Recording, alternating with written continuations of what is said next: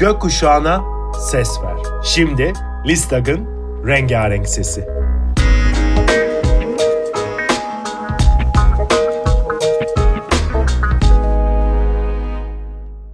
Bu hikaye LGBT Aileleri ve Yakınları Derneği Listak için Yasemin Zeynep Başaran tarafından derlenen Kendimi Bildim Bileli adlı kitaptan alınmıştır. Seslendiren Nilüfer Açıkalın'a ve seslendirme sponsoru Gitti Gidiyor Kom'a teşekkür ederiz. Elbet bir gün kabul edecekler.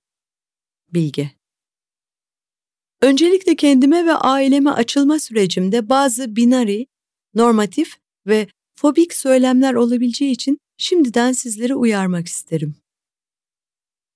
Bir şeylerin farklı olduğunu hissettiğimde küçücüktüm. Daha cinselliğin, cinsiyetin ne olduğunu bilmezken bile farklıydı bazı şeyler. Kuzenlerimle oyunlar oynardık. Oyunda erkek olurdum. Anneanneme sorardım, bu günah mı diye. Hiçbir zaman çok İslami bir aile olmadık ama bir anneanneyle büyümek bir takım kültürel kalıpları beraberinde getirmişti. Dua etmeyi öğretmişti anneannem. Her gece Allah'ım ne olur yarın erkek olarak uyanayım diye dua ederdim. Bir kadından hoşlanabilmem için erkek olmam gerektiğini düşündüğüm için. Erkek çocuk reyonlarından giyinirdim.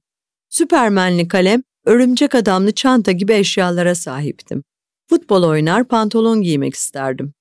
Ailem de bazı şeylerin farkındaydı. Annem küçük oyunlarla normalleştirmeye çalışıyordu beni. Kreşteyken bir gün etek, bir gün pantolon günü yapıyorduk mesela. Her sabah o günün pantolon günü olmasını dileyerek uyanırdım. Bu tip kız çocukları futbol oynamaz gibi algılarla açıklamak istemezdim. Fakat büyüdüğüm dönem ve bakış açılarını baz alarak yazıyorum maalesef. Çocukken tam bir erkek Fatma olmama rağmen zorbalığa neredeyse hiç uğramadığımı söyleyebilirim. Çok da fena olmayan bir coğrafyada doğduğumu düşünüyorum. Çocukluğum minik minik farkındalıklar ve bazı acabalarla geçerken ergenliğim çoğu LGBTİ plus bireyinki gibi biraz zorluydu. Tam büyümeye, yeni yeni dünyayı ve ilişkileri tanımaya başlamışken engel olamadığım hislerle boğuşmak zorunda kalmıştım. 13 yaşındayken internetten biriyle tanışmıştım. Her gün konuşmak istediğim, geceleri düşlediğim, tarifsiz hisler beslediğim biri. Aramızda bir şeylerin tuhaflaştığını fark etmek bizler için de, ailelerimiz için de çok uzun sürmemişti.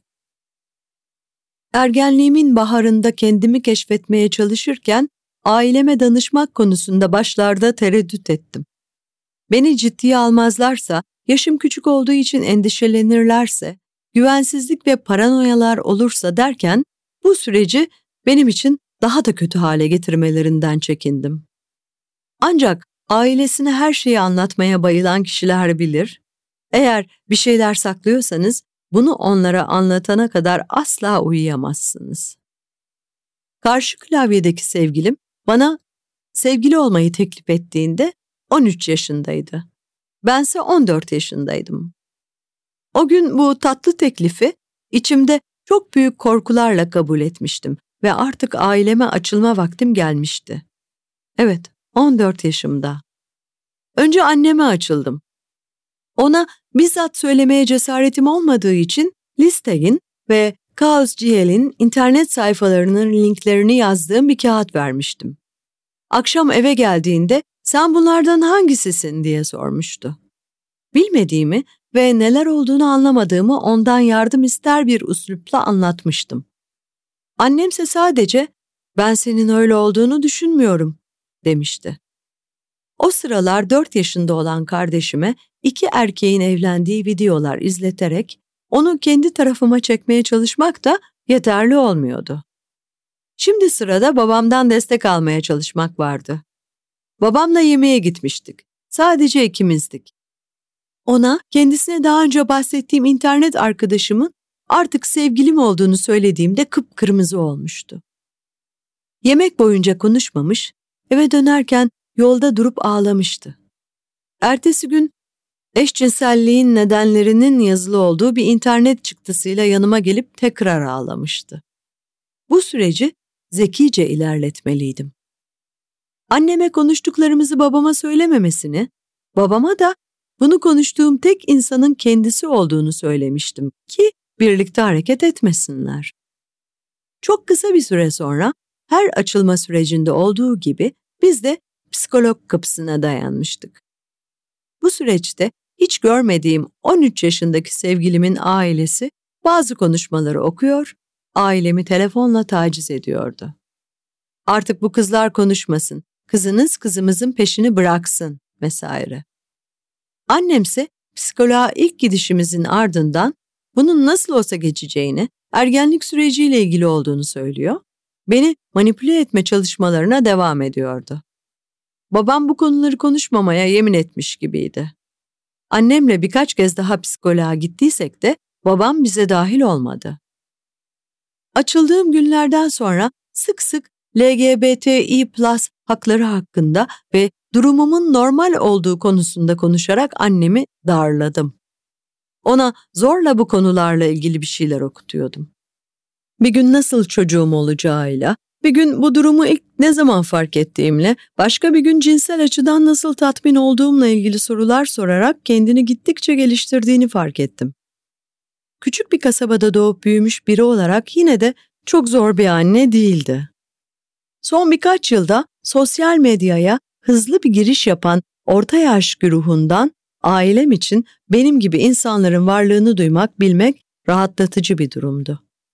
Üniversiteye başlamam bana sözlerimin aile fertleri için daha çok önem arz etmesi, içinde bulunduğum durumu daha iyi anlatabilme ve bolca mesnetli argümanlar sunabilme gibi imkanlar sağlamıştı. Üstelik sokaklarda, mekanlarda ve birçok alanda LGBTİ görünürlüğü artıp yaşam alanlarımız çoğaldıkça kabul görmek de kolaylaşmaya başlamıştı. Şu an 22 yaşındayım. Bahsettiğim sevgilimle 8 yıldır beraberiz. İstanbul gibi aktivizm yapması zor fakat bir o kadar da özgür bir şehirde hayallerimizi bizim gibi insanlarla birlikte yaşıyor, tam bir LGBTİ plus komünite olduğumuzu iliklerimize kadar hissediyor, çok eğleniyoruz. Bir yandan da iyi gelinler olmaya çabalıyoruz.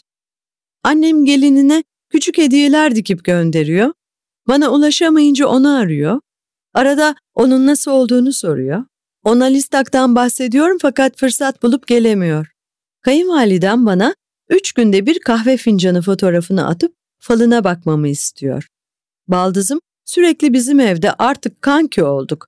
O da LGBTİ plus olduğunu fark etti. Küçük yaşlarımdan beri en büyük hayalim olan büyük bir aile kurabilme yolunda fena ilerlemediğimi düşünüyorum. Ailesine açılmak isteyip de bu konuda gerilen bireylere sadece şunu diyebilirim. Ne olursa olsun atsalar atılmaz, satsalar satılmaz, bir şekilde kabul ediyorlar. Ailenizden korkmayın, onlarla uğraşın, pes edeceklerdir.